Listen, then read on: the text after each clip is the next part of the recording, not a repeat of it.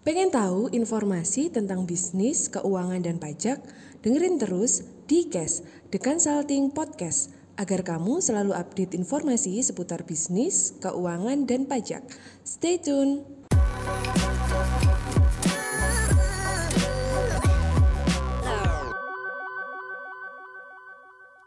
Hai The Consulting Lovers, apa kabar buat teman-teman? Semoga teman-teman selalu sehat ya, selaku diberkatin ya teman-teman ya. Hari ini kita akan sharing-sharing ya teman-teman ya, seperti biasa di acara The Ngobis ya. Hari ini kita akan ngobrol dengan Bapak atau Bro gitu ya, uh, Bro Dasama Leo Gusman ya. Beliau adalah owner Salad Moi dan Hola Juice ya. Dan hari ini teman-teman kita akan belajar terkait dengan agak ini ya, agak berbeda yaitu gimana sih caranya kalian bisa memaksimalkan penjualan di aplikasi online food. Ya, dan ini pasti materi yang bermanfaat buat teman-teman sekalian ya, di mana teman-teman bisa nanti kita akan tanya jawab, teman-teman dengerin sharingnya. Itu teman-teman ya, sebentar saya akan invite dulu uh, narasumber Pak Darsa ya. Hai Pak Darsa. Halo, halo, halo, halo. Halo, halo, apa kabar? Sehat-sehat, Pak? Baik, sehat, sehat, sehat. Eh, luar biasa, luar biasa. Ini lagi di kantor, di rumah, atau di luar mungkin, Pak? Tadi sebenarnya mau live di kantor, tapi Oke, siap. uh, udah pada pulang semua, ya udah pulang ke rumah akhirnya. Siap, Jadi ya udah siap, live siap. di rumah aja. Siap, sama Gitu. Pak. Saya juga live di rumah, Pak. oh ya, senang Ini nih ketemu pertama sama... kali live eh, langsung sama Pak Deddy nih akhirnya. Eh, thank you, thank you. Saya thank you, Pak. Terima kasih ini sudah Pak Darsa nyempat-nyempatin waktu ya, Pak, untuk si- ah, untuk live ya dengan kami di acara Iya. Tengobis ya, Pak. Semoga hari ini bisa ngasih manfaat ya, Pak, buat teman-teman yang nonton hari ini ya. Baik, baik. Oke, nice, nice, nice, nice. Pak, gimana Pak? Kesehariannya ngapain aja Pak akhir-akhir ini Pak? Kalau sehari-hari ini, akhir-akhir ini lebih justru dari the consulting ini ketika follow saya, eh ketika approach saya itu saya juga penasaran kan the consultingnya apa gitu. Siap. Terus pas dilihat-lihat ternyata banyak ngurusin tentang pajak juga, terus juga ba- banyak ngurusin tentang uh, hal-hal sistem yang lain ya. Ya akhirnya akhir-akhir ini kalau di secara pekerjaan yang lebih sering diurusin lebih kayak hal-hal yang berhubungan dengan uh, di luar jualan gitu. Oke. Seperti misal, uh, uh, seperti uh, apa ya kayak di luar jualan ya, misalnya eh HR kayak gitu-gitu, fokus ke development team kayak gitu, pembangun tim, terus juga misalnya udah mulai ngurus-ngurus eh, perpajakan kayak gitu sih. Justru malahan semakin ke sini baru ngerti gitu loh Pak, kalau ternyata tuh butuh juga hal-hal kayak yang sistematis seperti itu gitu sih. Jadi ya Siap, sekarang siap, siap. ngurus-ngurus kayak gitu. Wih, mantap nih Pak ya. Ini mulai sudah mulai tambah pusing atau tambah enak nih Pak? Sebenarnya ini tantangan baru ya. Jadi tantangan Tantangan baru ya. Uh, uh, jadi yang sebenarnya sebelumnya kita fokus jualan, yang penting bisa jualan, laku, laris. Hmm. Sekarang udah ngurusin birokrasi kayak gitu ya. Jadi kayak Oke. udah ada urusan kayak aturan main bekerja kayak gitu, kayak gitu-gitu sistem dan uh, urusan kayak cipta kerja lah kayak gitu-gitu udah mulai harus diperhatikan kayak gitu sih. Yang sebelumnya Nah, mungkin kan nggak terlalu nggak difokuskan ke sana, yang penting jualan kalau dulu kan. Yeah. Iya, Another game ya Pak ya. iya, another game. Nice, ya. nice, nice, nice, nice. Oke Pak, kita hold dulu Pak. Kita hold dulu nih nanti terkait dengan another game-nya dan apa aja mungkin yang terjadi di bisnis Bapak yang mungkin bisa di-sharingin ke teman-teman dulu ya Pak ya. Mungkin sebelum kita lanjut Pak, lebih panas ya karena sudah mulai keluar api-apinya nih Pak teman-teman ya. sudah ada reaksi reaksinya api ini sudah panas nih mereka gitu ya. Tapi saya tahan dulu teman-teman biar teman-teman juga penasaran ya. Kita back dulu ya. Jadi kami sering Pak kalau di acara Tengobis ini kami tidak hanya kepingin tahu soal bisnisnya ya.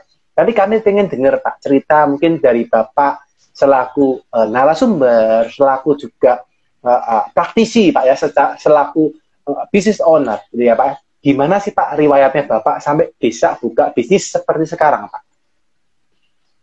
Iya Pak Dedi. Jadi eh, awalnya itu dulu sebenarnya saya bisnis konveksi.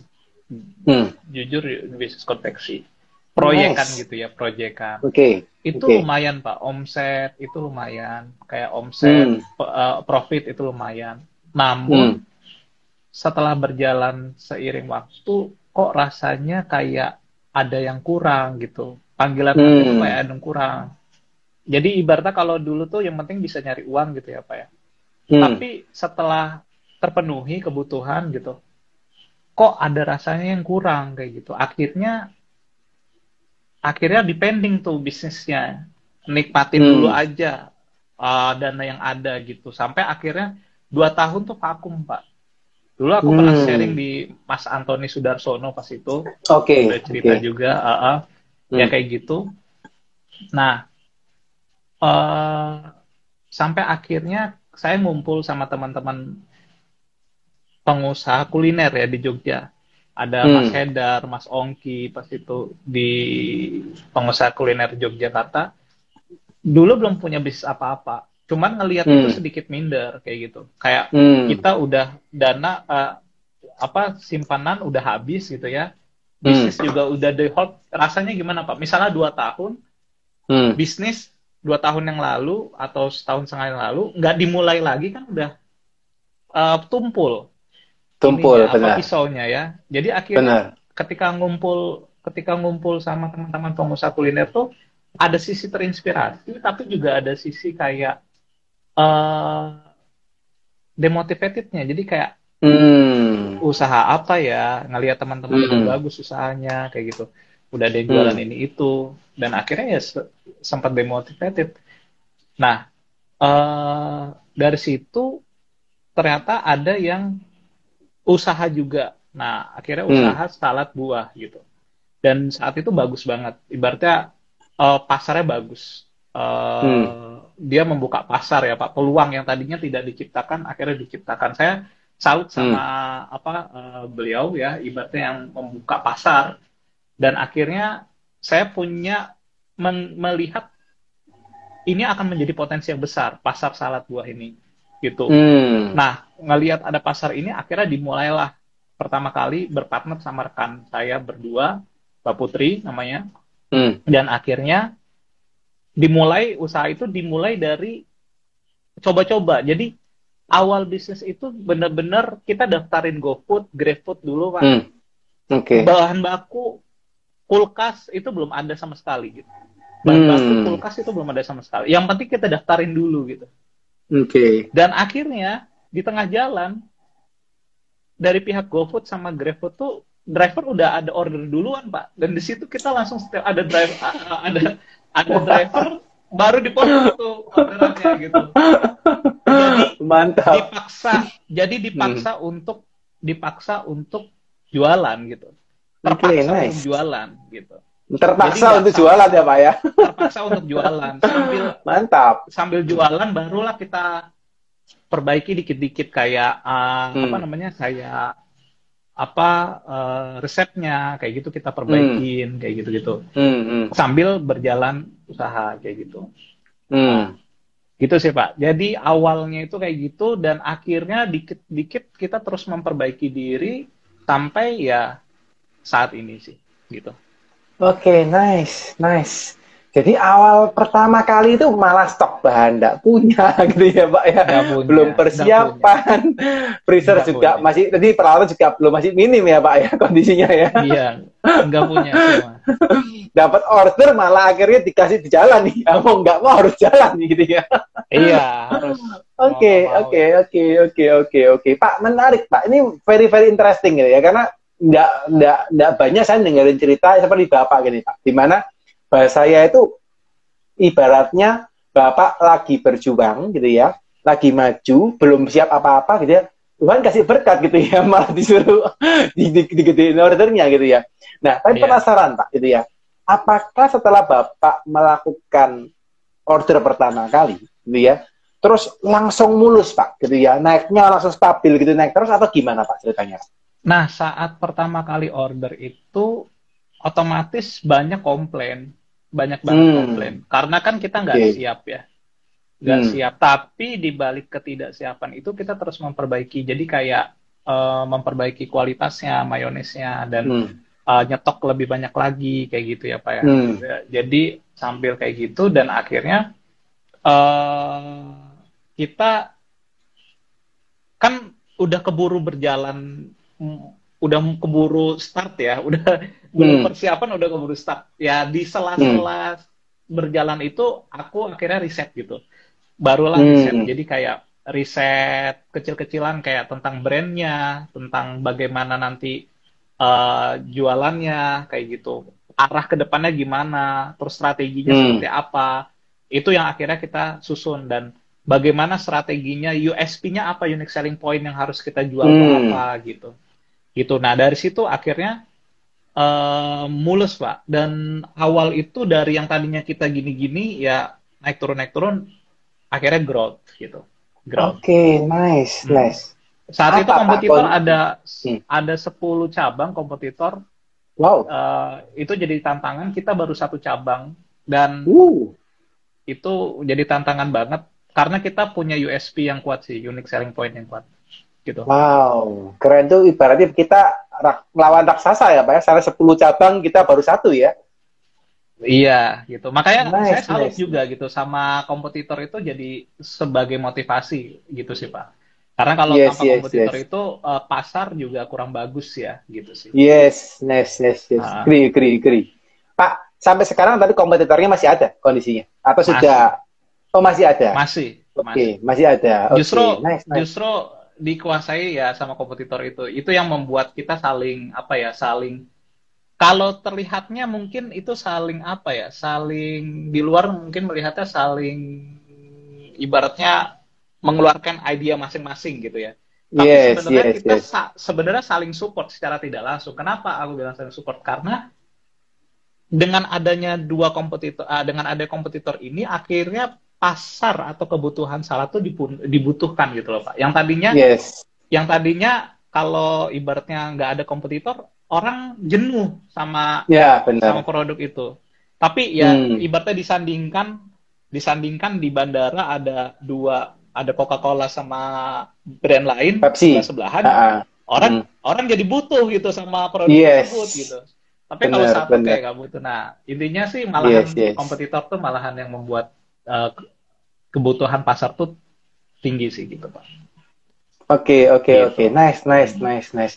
Ini malah ada kompetitor kalau memang sebagian teknik marketing memang harus ada kompetitor malahan ya, Pak ya. Kalau Ya. nggak nggak ada kompetitor malah ke- kesannya itu garing ya, Pak ya. iya Kurang betul kurang kurang kurang enak gitu gitu ya. iya betul betul Oke, nice, nice. Nah, jadi teman-teman yang punya kompetitor, teman-teman nggak usah khawatir gitu ya, karena itu malah ngeramein tuh dunia persilatan di bisnis ya. betul tergantung Oke. pandangnya Hmm. aja sih Mm-mm. Bener, Pak. Bener, sepakat, sepakat, sepakat. Ya. Oke, Pak. Pak, penasaran, Pak. Tadi Bapak kan sempat kulik-kulik juga ya, akhirnya ketemu USP terkait dengan bisnis Bapak dan kawan-kawannya gitu ya. Kalau boleh disimpulkan, Pak. Tadi kan Bapak bisa dari yang goyang-goyang gitu ya, naik turun, sampai bisa mulus gitu ya, Pak. Apa sih, Pak, kuncinya, Pak? Kok bisa sampai akhirnya terakhir bisa mulus kayak pesawat terbang gitu, Pak? Ya, oke. Kalau kita ngomongin produk ya Pak, Hmm. eh, USP yang kita keluarkan dan akhirnya sampai sekarang ya akhirnya menjadi contoh juga jadi dari kompetitor untuk menerapkan itu. Eh, Hmm. Itu salah satunya dari kekurangan kita sendiri Pak. Hmm. Jadi sebenarnya saat itu kompetitor eh, punya style untuk salad buah itu dipotong di tempat, eh bukan Hmm. dipotong di tempat, di stok. Jadi di kulkas Di sudah stok di tempat. stok gitu Pak. Oke. di stok. Hmm. Jadi sudah di stok, jualannya sudah di stok. Nah, sedangkan kami itu saat Moy itu tidak bisa nyetok karena takut, ba- takut, takut nggak laku gitu. Hmm. Jadi takut nggak laku gitu kan. Pertama takut nggak laku. Yang kedua takut buahnya busuk. Busuk. Yes. Wastingnya banyak gitu. Waste, Wastingnya banyak. gitu kan. Bener. Hmm. Nah, tapi di situ saya melihat ada celah yang bisa dijadikan USP, unique selling Hmm. point-nya, Proposition. ah. yaitu kenapa eh, kenapa kalau semua salad itu di stok, justru kenapa kita jualan fokus aja salad buah fresh Fresh. atau salad buah yang dipotong di tempat gitu. Yes, Jadi akhirnya yes. setiap ada orderan kita buatin baru dipotong gitu pak. Oke, nice. Dan itu jadi USP kita gitu. Jadi Oh. kekuatan kita. Dan akhirnya orang-orang order tuh beli di salad pack karena salah satunya baru dipotong di tempat atau di baru Hmm. dipotong saat di order gitu. Padahal sebenarnya itu kekurangan kita karena kita nggak mampu nyetok mbak. Gitu. luar biasa Pak. itu kekurangan malah jadi ke- kelebihan ya Pak dibalik gitu ya luar biasa Iya, Dibalik diputer. gitu. nice nice nice setelah itu Iya, langsung itu- growing Pak setelah itu Pak Itu growing. Nah, yang kedua itu Hmm. dari sisi produk ya Pak. Kalau Hmm. ini dari sisi mental kita, memang dari uh, culture ya. Kita ada Hmm, empat poin. Itu hmm. kita menjual kalau kita tuh bilang kita tuh nggak jualan salad gitu. Karena kalau salad itu semua ibu-ibu di Jogja rata-rata mungkin bisa bikin salad pak. Gampang Yes. bikin salad. Yes. Dan mungkin rasanya hampir sama. Yang Hmm. kita jual itu ada empat poin yaitu clarity caring harmony dan fun. Nah clarity itu Oke. apa? Clarity itu setiap ada buah yang kurang atau ada sesuatu hal yang ada kurang di dalam produk, kita harus ngomong, benar-benar ngomong sejujur-jujurnya. Misalnya, mohon maaf kak, kita tulis surat, mohon maaf kak, Hmm. buah ini kurang, kita ganti dengan buah ini ya, gitu. Dan yang kedua Hmm. caring gitu, caring. Kita peduli sama, misalnya ada yang komplain itu kita selalu ganti satu, Hmm. satu kali lipat atau dua kali lipatnya. Itu caring. Hmm. Yang ketiga harmoni. Harmoni kita selalu melibatkan setiap riset kita selalu melibatkan uh, dari sisi customer gitu pak untuk Hmm. uh, apa namanya untuk mengasih masukan dan lain-lain. Yang keempat itu fun. Nah yang fun ini Hmm. ini fokus ke bagaimana kita mendelivery konten atau bagaimana kita mendelivery brand kita sebagai sosok yang Hmm. fun kayak gitu. Nah kita jualan ini sebenarnya kalau dibilang jualan salad, ya produknya aja salad. Tapi yang kita jual tuh core utamanya empat pilar ini gitu. Kita Hmm. jualan itu karena tanpa empat pilar ini mungkin nggak apa tidak tidak berjalan uh, growth yang tinggi gitu. Karena empat pilar ini kita merasa ini yang membuat growth ini jadi tinggi gitu sih pak. Hmm, nice, Gitu. nice, nice. Jadi clarity, uh, caring, Caring, harmony, uh, harmony, fun. fun. CCH, CCHF tadi Pak ya.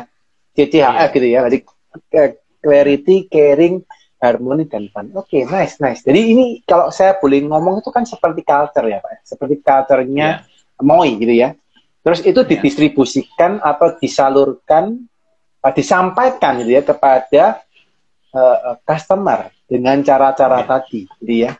Dan itu malah akhirnya berimbas ya Pak pada penjualan, pada sales yang meningkat gara-gara itu juga. Iya. Oke, oke, Kita- oke, oke. Kita akui hampir satu setengah tahun atau ya hampir satu setengah tahun itu tidak pernah eh, beriklan. Pak. Nggak Wow, pernah, nggak pernah. Jadi dari itu dari awal buka Pak, dari awal buka Pak. Iya betul. Iya. Oh, oke. Satu setengah Jadi- tahun nggak pernah berikan ya Pak ya? Iya. Satu tahun. Nggak pernah. Jadi itu memanfaatkan dari mulut ke mulut itu sih. Oh, oke. Dan itu dijual di uh, uh, apa uh, shop apa online shop apa uh, food food food food online ya Pak ya? Food online shop gitu ya Iya. modelnya kayak uh, Iya, apa, aplikasi. uh, GoFood. aplikasi lah ya, GoFood, GrabFood gitu Iya. ya. Oke, Iya. oke, oke. Dan itu tanpa iklan, tanpa promotion, tanpa promo-promo kode-kode promo itu juga nggak dilakukan ya Pak ya? Iya. Oke, nice, Iya, nice, betul. Oke, monggo Pak, dilanjutkan Pak. Silakan Pak Darsya. Terkait Ya. dengan tadi ya. Jadi yang kita jual sekali lagi bukan produknya karena produk itu pasti banyak yang bisa menyamai dan siapa pun bisa uh, mengcopy, Oke. menyamakan rasa, menyamakan produk itu saya yakin bisa, Pak. Tapi kalau Hmm. menyamakan culture atau apa yang kita jual di belakang itu, itu belum tentu bisa. Gitu. Hmm. Jadi kita kita pertahankan hal itu gitu. Itu yang sampai sekarang kita perkuat. Nah, itu Oke, lalu yang oke. kedua adalah bagaimana strategi untuk menerapkan eh untuk berjualan di aplikasi, Pak. Jadi di aplikasi itu Hmm. ada strateginya sendiri, nggak Hmm. nggak sekedar jualan gitu, nggak. Ada strateginya sendiri. Jadi Hmm. dulu ceritanya seperti ini. Ini mungkin bu- buat teman-teman yang jualan di aplikasi online bisa dicontoh. Jadi dulu seperti ini. Kompetitor itu menjual produknya dengan nama dengan nama toko itu salad brandnya, salad spasi brandnya gitu kan. Hmm. Nah, saya coba riset, Pak. Saya coba riset, saya coba nanya-nanya. Kamu kalau searching di GoFood, di GrabFood, itu kalau nyari salad buah itu nulisnya apa? Mereka Hmm. jawab salad buah. Gitu. Mereka jawab salad buah. Sedangkan kompetitor saat itu nulis hanya salad spasi brandnya. Gitu. Hmm. Nah dari situ saya melihat ini ada celah gitu. Akhirnya saya bikin ada keyword salad buah di toko saya pak. Hmm. Nah, Dan itu yang membuat gratis, yang itu yang membuat gratis promosi. Jadi secara tidak langsung, Oke. ketika ketika orang pengen beli salad buah di kompetitor, mereka kan ketik salad buah pak. Pas. Yes. saat mengetik salad buah yang keluar itu salad moy. Karena salad Hmm. moy tulis salad buah gitu. Nah, ini Hmm. tips buat teman-teman yang masih tokonya itu masih belum punya keyword yang kuat. Misalnya contoh ya, Pak. Ada nasi nas dia jualan nasi ayam goreng gitu ya. Nasi Hmm. ayam ayam goreng gitu. Tapi Hmm. nama tokonya misalnya Sejahtera Resto Sejahtera Hmm. Ketika ada orang mau searching ayam goreng, ngetik ayam goreng di aplikasi, nama tokonya cuman Resto Sejahtera tidak akan keluar. Hmm. Kan Resto Sejahtera, kecuali Resto Sejahtera ayam dan bebek. Yes. Ketika orang ada yang searching ayam, Ayam. keluar. Hmm. Hmm. ada yang searching bebek, keluar. Nah, saat Hmm. itu, itu yang salah satu kita manfaatin. Eh, keyword salad buah itu. Ya, walaupun sekarang kompetitor juga menggunakan keyword itu.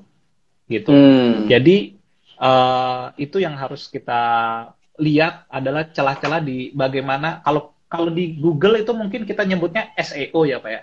SEO benar, SEO. benar. Ah, SEO. Nah, ibaratnya di aplikasi juga ada SEO-nya. Nah, kita harus bagaimana Hmm. me- me- apa namanya me- mempelajari SEO-nya kita untuk searching. Jadi kalau kita punya jualan nasi goreng gitu, Hmm. nama nasi gorengnya Pak Dedi, resto Pak Dedi Hmm. gitu. Hmm. tambahin keyword nasi goreng, misalnya resto Pak Dedi dalam kurung nasi goreng gitu. Supaya Hmm. pas orang searching nasi goreng muncul gitu, Hmm. gitu sih Pak. Atau nasi goreng Itu salah. Pak Dedi gitu ya Pak ya? Ah, ya betul nasi goreng Pak Dedi gitu. Itu salah Oke, satu yang oke. kita ini. Gitu. Oke oke oke oke oke Ah. oke. Menarik ya Pak. Jadi dari dari yang Pak lakukan pertama itu basically kan masuk ke apa Gu- eh, kalau kita ngomong di SEO Google itu juga bisa dilakukan di online eh, food online ya Pak ya. Malah di Iya, food betul. dan di di ini ya di Grab ya itu dan itu ah, itulah hitungannya kan satu hal yang cukup sederhana ya Pak untuk dilakukan ya. Sederhana. Tapi sepele, Hmm. sederhana, simple, tapi banyak yang nggak aware sama hal itu. Yes, agree agree. Masih agree, banyak agree. masih banyak yang tidak nambahin keyword tokonya gitu. Hmm. Gitu sih, Pak. Jualan Yes, nasi yes, goreng, yes. ayam tapi tidak nambahin. Nah, mungkin aku Yes. bakal sedikit share. Ini kita masuk ke teknis ya, Pak ya. Ini buat Silakan, Pak, silakan. teknis. Hmm. Jadi kita beda uh, di GoFood sama di GrabFood ketika kita searching itu yang keluar itu benar-benar uh, yang keluar itu nama tokonya, Pak. Hmm, Di GrabFood sama GoFood. benar. Tapi kalau kita masuk ke Shopee Food, itu yang Hmm. kalau kita searching, yang keluar itu nama produk. Oke. Jadi kalau nama tokonya nggak ada keyword produk kita nggak apa-apa kalau Hmm. di Shopee Food. Karena Yes. ketika kita searching nulis misalnya ayam goreng, dia Hmm. akan nampilin toko-toko yang ada nama produknya ayam goreng, Pak. Hmm. Nah, itu kelebihannya di Shopee Food. Jadi Hmm. walaupun nama tokonya, walaupun nama tokonya itu nggak ada keywordnya, itu masih nggak apa-apa, gitu. Hmm. Masih nggak apa-apa. Tapi kalau di GoFood, di GrabFood, wah, lupa nulis keyword, nggak ketemu, nggak akan ketemu toko kita. gitu. Yes. Yes, yes. Uh, makanya kalau di Hmm. Shopee Food sampai sekarang walaupun orang nggak nulis nama tokonya dengan keywordnya itu masih laku karena yang di searching yang keluar itu nama produknya pak. Jadi misalnya Oh. Pak Dedi Hmm. nyari produk di Shopee Food nulisnya Hmm. nulisnya mie goreng gitu ya mie Hmm. goreng. Wah keluar Hmm. toko yang jualan produknya mie goreng. Mie goreng. Bukan Oke. bukan nama tokonya ada tulisan mie goreng.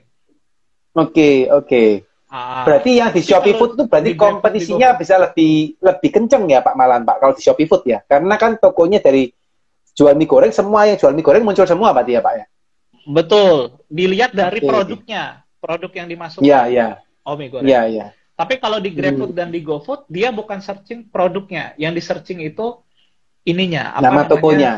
Nama tokonya. Jadi ketika ngetik mie Oh. goreng, nama tokonya nggak ada kata mie goreng ya nggak muncul. Oh, Gitu. oke. Oke. Itu mungkin aku bisa share yang simpel dulu. Itu mungkin dimulai dari Yes, situ. yes, yes, yes. Ini menarik ya teman-teman ya. Ini perlu diperhatikan gitu ya bahwa kan kita sekarang pemain utamanya tiga ya Pak ya. GrabFood, uh, uh, apa uh, GoFood sama Shopee Food gitu ya. Kalau di GrabFood juga Ya. modelnya sama Pak. Modelnya juga apakah seperti GoFood tadi di searching pakai nama toko ataukah seperti Shopee malah? Kalau di GrabFood, GrabFood. GrabFood sama GoFood sama. Oh, di GrabFood sama GoFood dia akan back to nama toko. Iya nama toko. Oke, oke, oke, oke, oke, oke. Menarik, menarik, menarik. Teman-teman ingetin ya, teman-teman ya. Jadi yang sudah paham nih, ya ini materinya nggak kaleng-kaleng ya, teman-teman ya. Sharingnya dari Pak Darsa ini langsung nocos ini ya. Bisa langsung dipraktekin Iya. nih ya. Oke. Oke Pak, selain itu Pak, kira-kira apa lagi Pak yang mungkin perlu diperhatikan teman-teman, terutama mereka yang pengen dapat penjualan dari online food Pak. Terutama kan sekarang ini kan penjual itu kan eh, termasuk banyak ya Pak ya. Orang-orang yang jual makanan itu kan buka kitchen, cloud kitchen, buka dapur di rumah sudah bisa punya uh, akun GrabFood dan GoFood gitu ya. Dan tapi memang seperti yang kita tahu karena banyak yang jualan, akhirnya juga uh, sebagian teman-teman mengeluh bahwa sulit untuk mendapatkan order. Ya. Nah, misal mereka sudah mengganti Pak, apakah itu bisa meningkatkan mereka punya rating atau perlu dilakukan yang lain Pak terkait dengan itu? Oke, itu yang pertama ya Pak ya. Nah, yang kedua itu salah satunya saya rasa yang kedua itu tentang ratingnya, rating. Hmm. Jadi rating itu penting banget, harus minimal minimal banget tuh 4,5. Itu Hmm. nomor no, minimal 4,5 itu udah sangat minimal. Kalau di bawah 4,5 cenderung orang eh, berdasarkan riset dia cenderung untuk eh, mencari yang lebih dari 4,5. Itu pertama. Hmm. Jadi Hmm. buat teman-teman jangan sepelein uh, rating. Jangan Hmm. sepelein rating karena dari rating itu yang kita bisa benar-benar uh, kita bisa benar-benar uh, membuat gimana ya? Rating itu setelah orang datang, Hmm. rating itu yang menentukan orang itu akan membeli atau tidak. Kadang seperti itu. Oke. Iya, dibandingkan dia akan mencari brand-brand yang sama atau harga-harga yang sama, terus di ratingkan, melihat rating itu, dan akhirnya mereka akan membeli dari sisi itu. Begitu Pak. Oke. Pertama, yang oke. kedua, yang pertama tadi jangan lupa hal yang gampang, yang simple, yang harusnya bisa Yes. ditemukan. Yang kedua rating, rating itu sangat krusial gitu. Nah, Oke. kalau memang seperti simpelnya seperti itu, misalnya kurang, kan sekarang rating itu minimal 20 orang ya. Hmm. 20 orang baru keluar ratingnya. Mungkin bisa dimulai dari minta temennya yang order. Minta temennya yang Hmm. order, minta tolong rating seperti itu. Supaya Hmm. Membantu rating kita tinggi dan lain-lain. Karena kalau udah turun, udah jeblok di bawah 4,5 atau anggap 4,2 atau 4 4,0 gitu, 4 atau ke bawahnya lagi, itu malahan 4,0 ke bawah itu sudah seperti kasarannya lebih baik bikin bikin akun baru, Baru. Pak, daripada daripada Oh. memperbaiki. Oke, Sangat oke, sulit oke. untuk ditingkatin gitu. Itu yang kedua. Hmm. Mungkin saya tambahkan yang ketiga salah satunya harga. Hmm. Nah, harga ini juga eh, sangat berpengaruh besar. Nah, ini tips ya. Tips buat teman-teman dari aplikasi GoFood, GrabFood, dan ShopeeFood itu ada ibaratnya penawaran seperti join promonya dari mereka. Hmm. Nah itu jangan sampai terlewat. Kalau bisa ikut semua gitu. Walaupun punya, walaupun co-fundingnya ya pak ya itu harus memberikan uh, support yang lebih besar. Kita harus ibaratnya nalangin biaya yang lebih besar gitu. Gak hmm. apa-apa harus dijoinkan karena nanti dari pihak aplikator itu memberikan support-support yang lebih. Misalnya produk uh, toko kita ditampilkan di atas, terus hmm. juga uh, ditampilkan di atas atau ditawarkan di atas dan di di uh, fitur-fitur tertentu toko kita ditampilkan, diiklankan sama mereka kayak gitu. Hmm. Toh kita bisa naikin harga. Nanti uh, untuk naikin harga untuk dapat promo kan kita dapat promo ya pak ya dapat promo hmm. kode promo nah itu kita bisa naikin harga nanti naikin harga kita cut kayak gitu jadi ya intinya kalau ada program dari aplikasi jangan ke skip hmm. karena karena sekalinya ke skip bisa-bisa toko kita nggak ya sulit dapat order itu Butuh strategi bisnis yang ideal untuk bisa mengembangkan usaha dengan lebih luar biasa? Dapatkan video series People System Finance dengan kunjungi www.theconsulting.id slash video series. Hmm, jadi ada Atau apa pun simple. dari aplikasi, ambil aja gitu Pak ya? Joinin aja. Nanti hmm. masalah masalah co-fundingnya lebih besar atau lebih mahal, kita bisa naikin harga jual di situ. Kecuali hmm. ada kecualinya pak. Kecuali brand yang kita jual ini sudah sangat baik ya. Misalnya contoh kayak yes. 11 coffee ya, 11 coffee hmm. SSW temanku. Itu hmm. nggak hmm. usah promo, ya udah dicari orang gitu. Ya hmm. promo program nggak apa-apa. Tapi kalau kita buat pendatang baru, ikutin program-program dari aplikasi. Hmm. Itu saran saya. Karena uh, supportnya itu tinggi juga dari aplikasi. Ya, misalnya Pak Pak Deddy ini lagi mau buka nih, mau beli makanan gitu. Mereka yang hmm. join-join promo itu nanti pas Pak Deddy buka aplikasi, ditampilin tokonya di situ. Hmm. Ditawarin kayak gitu. Tapi buat yang nggak join kan nggak ditawarin, harus dicari dulu seperti itu. Benar, benar, benar. Itu. Oke, ibaratnya kan budget marketingnya kita lah Pak ya kurang lebih Pak ya itu yang dilakukan ya. Budget marketing yang dibarter sama mungkin harga bisa kita naikin gitu nggak apa-apa harga dinaikin tapi toh dengan dengan kupon yang dipakai sama customer kan harga tetap bisa jadi lebih murah gitu sih. Hmm. Karena karena da, barternya itu dari aplikasi kita dapat kupon voucher atau promo gitu loh pak. Oh, gitu. kitanya pak sebagai Salah. owner ya pak ya? Sebagai customernya. Oh sebagai customernya. Oke nah, oke oke. Bisa dapat voucher lebih gitu. Oke oke oke oke. Interesting interesting interesting. Pak penasaran pak. Ini tadi Pak An cerita kalau terkait dengan rating gitu ya. Tadi ngomonglah ada 20 orang kita sebagai uh, teman gitu ya. Kita kasih tester lah gitu ya. Kita kirim mereka suruh order kita kirimin gratis gitu ya 20 orang ibaratnya promosi ya Pak ke mereka gitu ya. Terus akhirnya kita dapat rating lah bintang 5 gitu ya. At Pak gitu ya. At habis kita udah dapat rating 5 itu 20 orang. Terus kita melakukan penjualan yang mana masih baru nih Pak menjual kepada uh, apa customer gitu ya, customer real, bukan customer yang kita uh, kasih gratis gitu ya. Ternyata produk testnya belum bagus, packagingnya belum bagus, akhirnya ratingnya kurang Pak gitu ya. Kira-kira kalau seperti itu apa Pak yang harus dilakukan Pak buat teman-teman misalnya mengalami hal sama? Mungkin yang bisa diterapkan, nggak apa-apa dicontoh ini salah satunya adalah uh, caring yang tadi budaya hmm. caring itu Simple. Siap.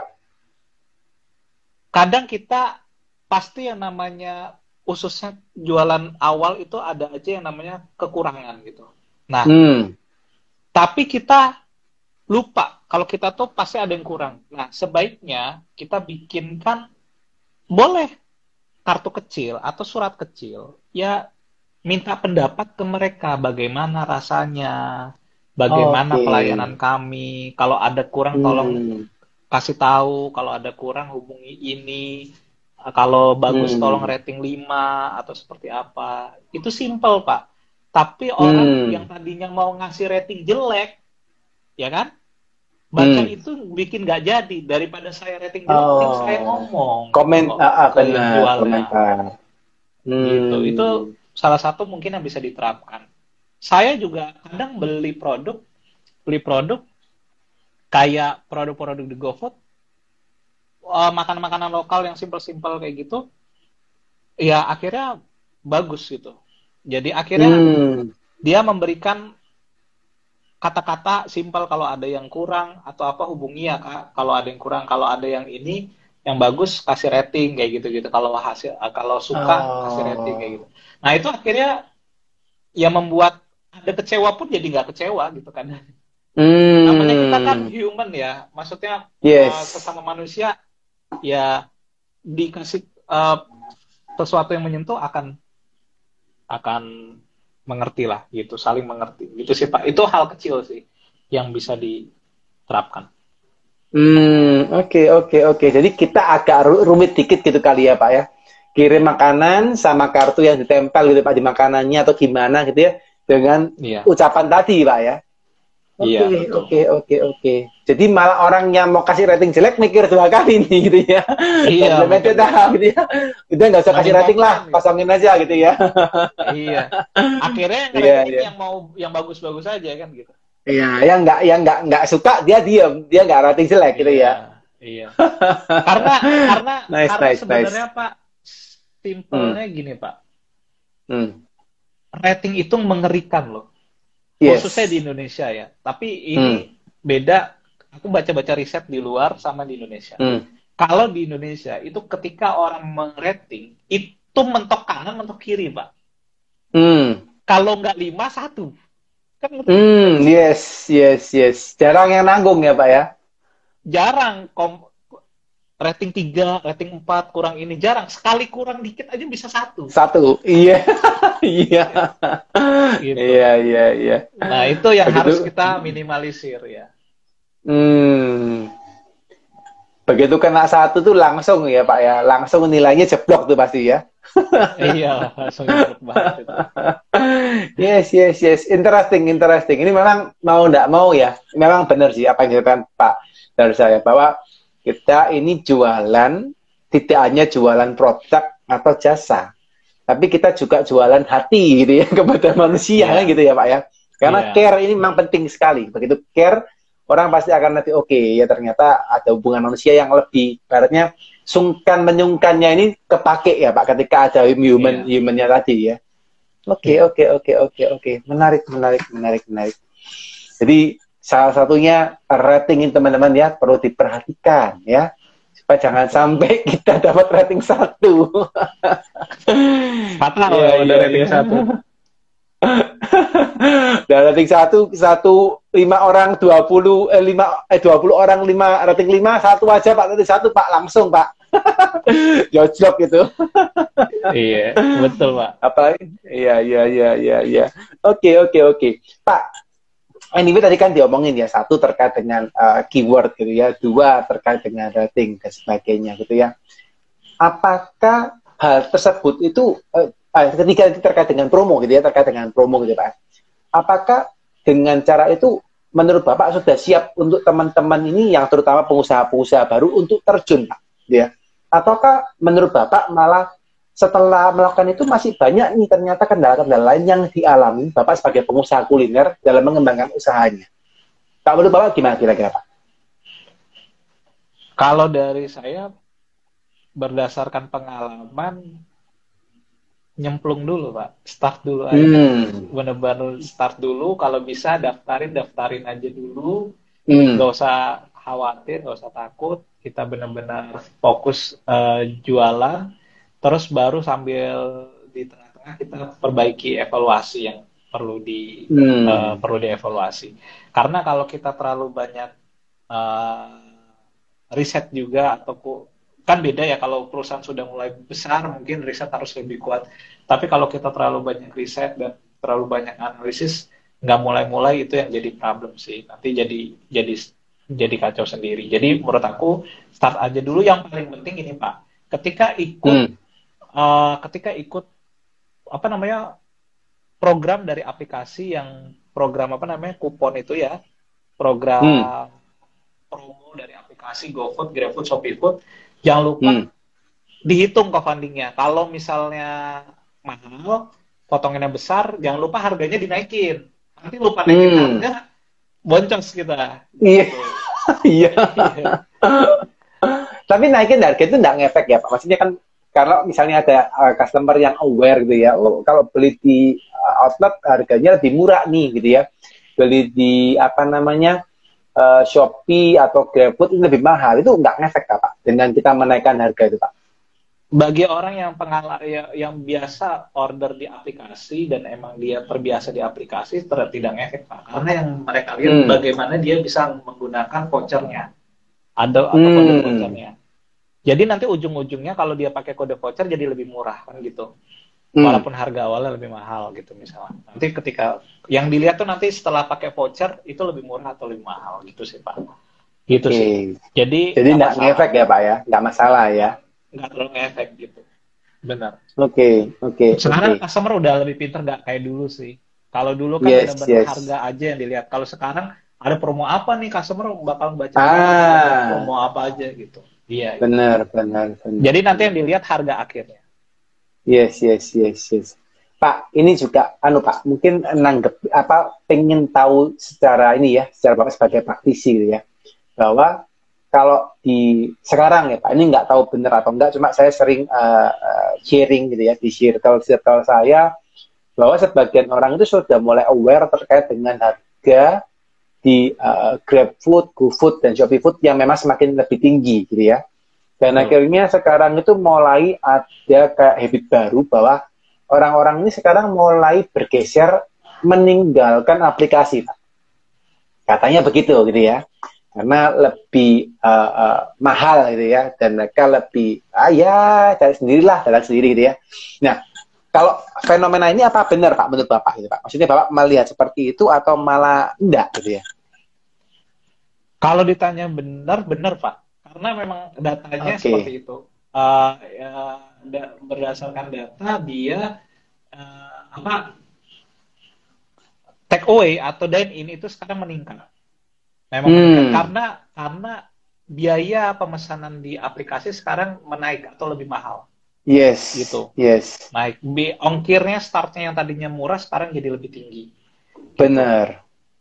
jadi yang tadinya Oke. murah jadi lebih tinggi jadi ya eh, sudah harus kita memperhatikan dine in juga pak tapi Hmm. selama dari tiga aplikator ini masih ada yang bakar-bakar uang masih aman pak intinya gitu Hmm. salah satunya ya mungkin aku sharing ya mungkin salah satunya sekarang kan GoFood yang lagi bakar-bakar uang nih yang lagi banyak promonya Oh, oke. Iya, ya jadi akhirnya Hmm. masih bagus gitu untuk eh, penjualan di online. Namun kalau tiga-tiganya udah benar-benar mahal Berhenti, dan promo yang benar. seperti itu, Mm-mm. mungkin dine in akan yang jadi eh, primadona gitu. Jadi ya memang kita sudah aware juga untuk eh, fokus juga di dine in gitu sih Pak. Oke, oke, oke. Ah. Pak, kalau seandainya Pak, kalau misalnya nih eh, kita dulu pakai GrabFood, GoFood, ShopeeFood dan kawan-kawan gitu ya.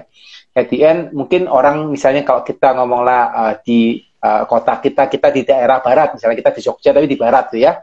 Terus ada dari Jogja Timur pesan, nah mereka kan tinggal pakai GrabFood dan ShopeeFood bisa melakukan.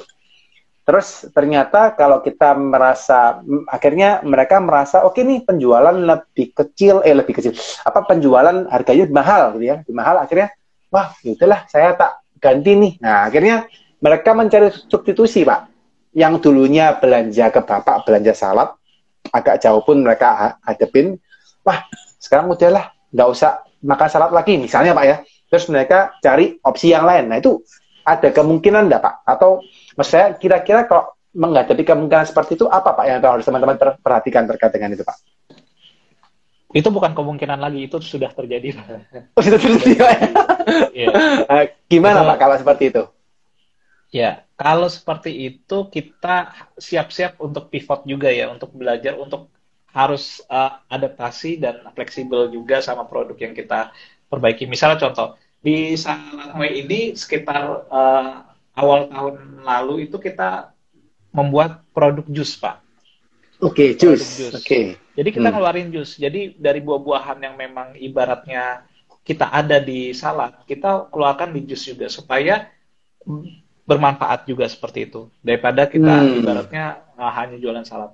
Nah, dan hmm. hasilnya bagus, bagus, bagus maksudnya uh, hasilnya itu bagus growth gitu ya Pak dan akhirnya hmm. ya itu menjadi contoh juga buat kompetitor dan kompetitor juga uh, mengeluarkan produk sejenis juga gitu nah itu berarti itu tanda-tanda bahwa market yang kami keluarkan itu bagus nah maksudku hmm. uh, kita harus siap-siap pivot sih Pak kalau kayak gitu nah mungkin yang rada susah buat teman-teman yang franchise yang udah uh, dalam tanda kutip uh, produknya itu aja gitu untuk mau di, hmm. gitu sih.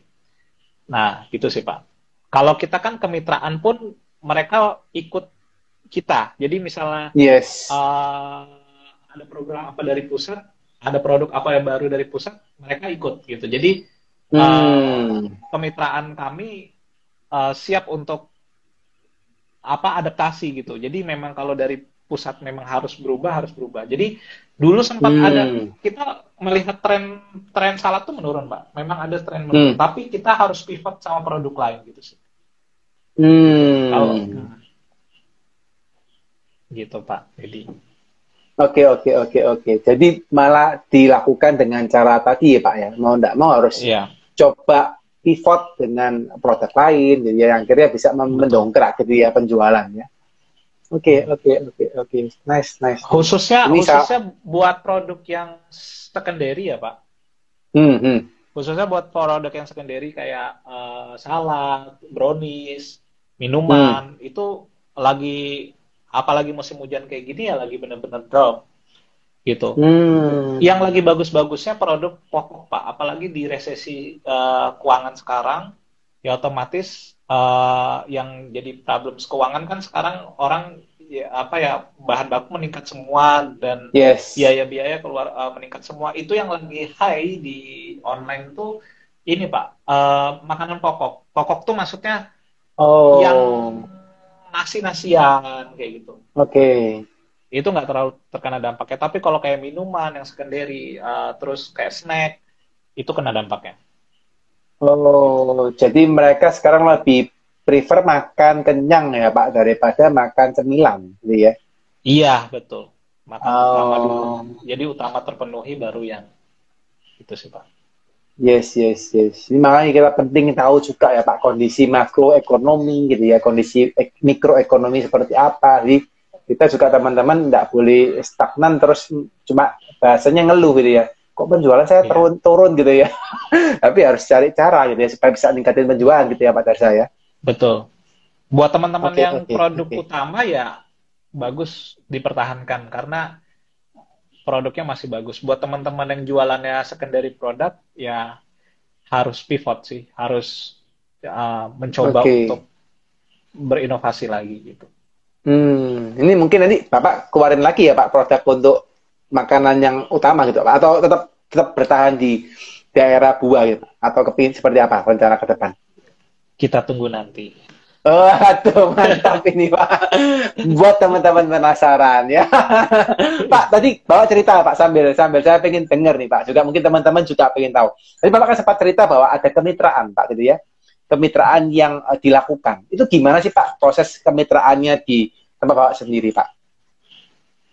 Kalau proses kemitraan sebenarnya kita masih rekan-rekan dekat aja sih Pak. Jadi belum yang dibuka hmm. Jadi uh, semua kita manajemennya dari pusat ya, misalnya manajemen kayak uh, ketentuannya, uh, programnya kayak gitu-gitu. Jadi uh, makanya kayak ada produk terbaru juga kompetitor eh kompetitor mitra juga ikut kayak gitu. Jadi hmm. ikut semua gitu. Kalau dibilang kita memang belum membuat justru dengan di consulting saya mau belajar kemitraan pak gimana caranya biar siapa nanti kita ngobrol pas setelah acara ini pak gitu. oke oke oke oke menarik menarik berarti sekarang selama ini masih untuk teman-teman atau relasi-relasi dekat ya pak yang di iya, apa uh, menjadi mitranya Bapak ya. Oke, okay, nice. Ini iya. teman-teman iya. ada peluang ya. Ini salad iya. ya, salah satu industri yang uh, cukup uh, ini ya, ibaratnya apa namanya? segmented gitu ya, segmented saya bahasanya segmented karena bukan komoditas. Kalau komoditas itu seperti nasi udah komoditas ya gitu ya. Mie itu komoditas, tapi salad ini salah satu produk yang segmented dan ini masih peluangnya terbuka nih. Teman-teman harus follow nih ya Pak Darsa ya. Bilang, ya. Kalau kita bilang terbuka, hmm. kita hmm. lebih ke Moy Groupnya Pak. Jadi yang kita katakan Moy Groupnya. Moy Group yes. itu jadi mitra itu nanti kalau ada brand baru tenang aja karena dia hmm. akan update, update. Misalnya kita ngeluarin brand baru akan update kayak gitu. Hmm. Jadi nanti mitra itu nggak cuma dapat nggak cuma dapat salad, tapi misalnya dari Moy Group itu ngeluarin ada misalnya salad sayur, nanti mitra juga dapat salad sayur juga. Oke. Okay. Nice, Jadi nice, nice. mungkin kalau di Jakarta itu mirip Hungry ya. Hungry itu kan uh, satu tempat punya banyak produk kayak gitu ya Pak. Nah sama hmm. punya banyak brand. Nah sama yes. kita juga punya banyak brand tapi healthy healthy yes. yang healthy yes gitu. yes ya beberapa beberapa uh, pemain uh, kemitraan memang sudah melakukan ya seperti itu pak jadi memang hmm. modelnya dibuat seperti itu karena mereka punya ongkos lebih ngirit setempat oh, iya. tapi produknya banyak pilihannya banyak waste-nya sedikit orangnya sedikit sewanya juga lebih murah itu iya. sih kalau yang tak lihat ya dari kondisinya iya. uh, apa uh, strategi bisnisnya udah mulai ngarah ke sana gitu. Strategi bisnisnya kayak gitu. Iya, iya, iya. Iya, iya. Oke, Pak, ini kita lanjut ke Q&A ya, Pak. Ada beberapa pertanyaan, ya, Pak. Ya. Minta izin ya, Pak, ya untuk menanyakan ya. ya. Oke, ini dari Lesian Pak Ding. Lesian Pak Ding ya. Gimana cara mengatasi customer yang rewel di Pak Din maksudnya di tempatnya beliau itu ya? dia ada satu akun komplain terus. Satu satu akun komplain terus. Ini mungkin komplainnya berkali-kali gitu ya. Hmm. tapi order terus. Nah ini lucu pak. Akunnya komplain terus tapi order terus pak ya. Kalau ditelepon nggak mau angkat. Apa dengan cara surat tadi cukup atau ada uh, anything idea pak untuk hal seperti ini pak kalau misalnya dari customer itu di eh dari customer itu dia merugikan sampai memberikan rating yang jelek misalnya rating satu berulang hmm. kayak gitu hmm. itu bisa dikomplainkan ke AM-nya AM itu kayak hmm. pengurus di aplikasi minta tolong untuk direview customer ini okay. direview nanti itu bisa saja dicabut hmm. bisa saja dicabut dari uh, uh, apa rating kita gitu. Rating yang jelek tadi bisa dihilangkan gitu. Nah jika merugikan tapi kalau misalnya belum sampai merugikan coba untuk uh, justru bagus dong order terus komplain tapi tidak merugikan ya nggak apa-apa. Sampai merugikan rating yang kita khawatirkan rating satu ya pak ya misalnya gitu. Iya yeah, iya. Yeah. rating jelek gitu. Nah itu itu bisa di up ke ke aplikator dari pihak aplikator aplikatornya ya uh, oke okay. gitu. jadi langsung hubungi aplikatornya untuk direview pak ya tapi kalau uh. memang ternyata ratingnya li, bintang 5 order terus, komplainnya cuma di chatting, ya udah biarin gitu ya Pak ya, disangka iya, iya, aja gitu ya. Pakai caring tadi ya Pak ya. Uh, karena itu bisa kedetek Pak sama aplikator kalau hmm. misalnya uh, yang komentar itu ibaratnya memang tidak wajar ya Pak ya, itu bisa kedetek, yes. bisa dicabut gitu. Gitu. Oke, okay, oke, okay, oke, okay, oke. Nice, nice, nice, nice, nice. Oke, okay, thank you jawabannya Pak. Pak, kalau selama Pak berbisnis Pak, ini berarti apa untuk apa namanya Moi Group sendiri ini sekarang sudah berdiri berapa lama Pak sekarang Pak? Dari 2020 berarti hampir dua tahun lebih. Hampir dua tahun lebih. Dua tahun ini hampir, Pak ya? Hampir tiga okay. tahun ya. Tiga tahun ini Pak ya. Nah ya. Pak selama tiga tahun ini Pak, apa Pak yang menurut Bapak tersulit Pak dalam menjalankan bisnis Bapak? Yang bukan berhubungan dengan jualan Nah, apa Pak dengan, tentunya? Yang berhubungan dengan SDM. Oke, apa Pak ya, sulitnya karena, Pak kalau boleh diceritakan? Karena uh, kalau dengan SDM itu seperti ini Pak. Karena hmm. memang backgroundku adalah lebih ke marketing ya Pak ya. Jualan hmm. produk kayak gitu. Nah, sedangkan Hmm. SDM ini kan faktor yang sulit diukur, beda. Karena aku orangnya data, Pak. Data. Nah, sedangkan manusia ini kan sulit diukur ya. SDM ini sulit Hmm. diukur. Jadi eh, mengukur itu yang kadang kesulitan dan ya sampai sekarang SDM ini jadi tantangan. Contohnya eh, HRD kita bagaimana mencari yang terbaik itu juga sulit gitu. Nah mungkin nanti bisa Hmm. dibantu atau dibimbing ya Pak Dedi ya bagaimana tipsnya. Jadi kalau ditanya ju- eh, sama oh yang kedua ya yang kedua di bulan di, bulan- di tahun ini di tahun ini Hmm. eh, udah hujan ya kan Hmm. udah hujan aplikasi aplikasi itu eh, naik semua harga biayanya gitu Yes. udah hujan aplikasi naik semua terus juga eh, resesi ya mau mau Hmm. biaya ongkir naik semua biaya Yes.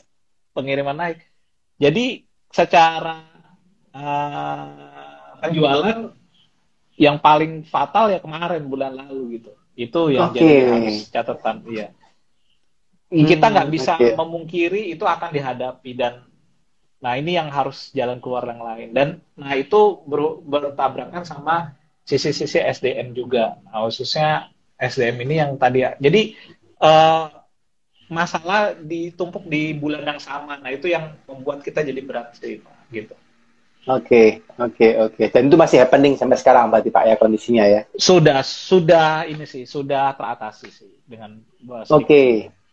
Nah, Wah, mantap. Apa Pak cara mengatasinya Pak? Kalau bu, kalau nggak terlalu konfidensial ya Pak dan boleh sharing ya Pak. Kira-kira apa Pak cara mengatasi hal tersebut Pak? Eh, mungkin aku nggak ngomongin teknis detailnya ya Pak ya. Mungkin Yes, yes. aja. Jadi Siap. gini, saat itu aku coba berpikir untuk lebih memikirkan saja. Aduh, ada masalah ini, dipikirin Oke. strateginya gimana. Aduh, gimana? Mikirin terus gitu Pak. Nah, partnerku ini ibaratnya dia tipikal yang ini gas gitu, dihadapin. Gaspol. Oke. Gaspol. Gaspol. akhirnya tuh, akhirnya tuh pas dipikir-pikirin tuh pas lagi ternyata digas oh ternyata nggak sesuai ekspektasi ya maksudnya ternyata Oke. simple ya nggak Hmm. nggak sesuai ekspektasi maksudnya kayak oh alah nggak sesuai yang dipikirin kalau yang dipikirin tuh kayaknya berat banget gitu pak tapi setelah Yes. dijalanin tuh ternyata eh, nggak seperti dibayangkan. Jadi tipsnya itu kalau Hmm. nomor satu salah satunya jangan terlalu banyak mikirinnya coba dihadepin dan dijalanin. Itu sih kalau menurut aku. Nice. karena ketika uh, ketika belum tentu apa yang kita jalanin itu ternyata sesuai apa yang kita pikirin. Juga kalau pas dipikirin tuh wah pikirannya tuh sampai ke sana-sana sampai jauh banget itu. Tapi jalanin ya Nice, mantap Pak, Gitu. mantap, mantap, mantap. Itu teman-teman ya, pengusaha siapa pun kalian yang ada di nonton pasti akan ngalamin ya Pak ya. Don't worry guys ya, Iya. jangan merasa seorang diri guys ya. Karena itu ada The Ngopis ya, karena itu teman-teman boleh datang di acara The Ngopis di tiap Senin karena ini ya. Karena teman-teman pasti ngalami masalah ya. Nggak hanya pengusaha yang besar, pengusaha kecil, pengusaha menengah, everybody akan menghadapi masalah ya dalam bisnisnya. Tapi itu yang menarik Iya. dari seninya, guys. Dan seperti Bapak omong tadi bahwa let it go gitu ya, kak lagunya Frozen gitu ya. Jalanin aja ya. Jangan dipikirin pokoknya dihadapin dan pasti bisa tercapai. Nice. Bapak Iya, pasti berarti di. Jogja Pak banyaknya Pak atau di kota lain Pak banyaknya? Di Jogja Semarang Solo Malang iya Oh, di Malang juga Pak ya. Tapi DIY Jatim oke oke oke. Tapi Bapak kalau stay-nya banyak di Jogja berarti atau di kota kota lain juga? ini cabangnya atau gimana Pak tadi yang ditanya apa? Bapaknya, bapaknya, Pak Darsanya. oh seringnya di Jogja di Jogja Oh Jogja, oke. Berarti kapan-kapan kalau saya mampir Jogja saya ketemu Pak Darsa, Pak. iya siap, siap. Kita ngopi di angkringan nanti Pak di Malioboro atau di mana? iya. iya, iya. Oke. Bahwa ya di-sharingkan Pak Darsa tadi guys, topiknya simple. Tapi saya kan dan percaya kadang-kadang saya aja ya sebagai praktisi dan sebagai konsultan gitu ya, kadang-kadang nggak kepikiran juga loh. Dan saya ngomong oh SEO, oh iya nyambung juga ya ternyata SEO gitu ya. Di online shop juga nyambung tuh gitu ya. dan apa di Iya. macam-macam ya apa promo ikutin gitu ya dan macam-macam dan itu saya yakin dan percaya pasti pasti teman-teman bisa laku pasti bisa terapin ya dan saya yakin dan percaya hari ini apa yang di sharingkan Pak Darsa pasti memberkati teman-teman ya kalau belum nonton dari awal yuk di rewind ke belakang ya di rewind ke belakang teman-teman boleh lihat ya Pak Darsa, saya izin Pak, ini kita mau akhirin Pak supaya saya juga tidak menyita waktu Bapak lebih panjang ya.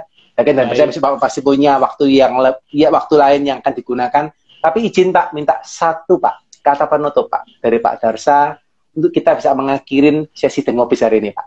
Monggo Pak. Intinya kita jangan terlalu banyak berpikir karena pikiran kita itu bisa membawa kita terlalu jauh ke mana-mana.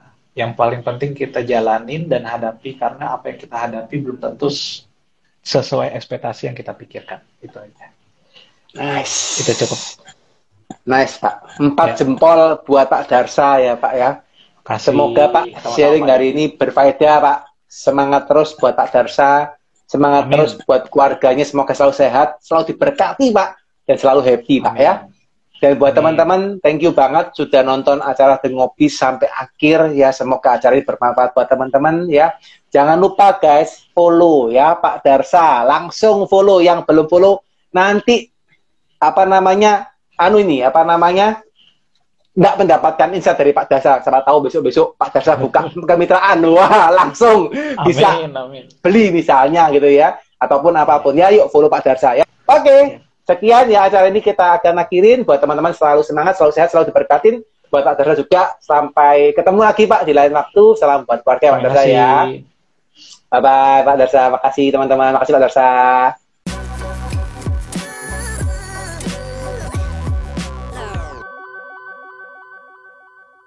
Terima kasih sudah mendengarkan Tikes. Sampai jumpa di episode berikutnya ya.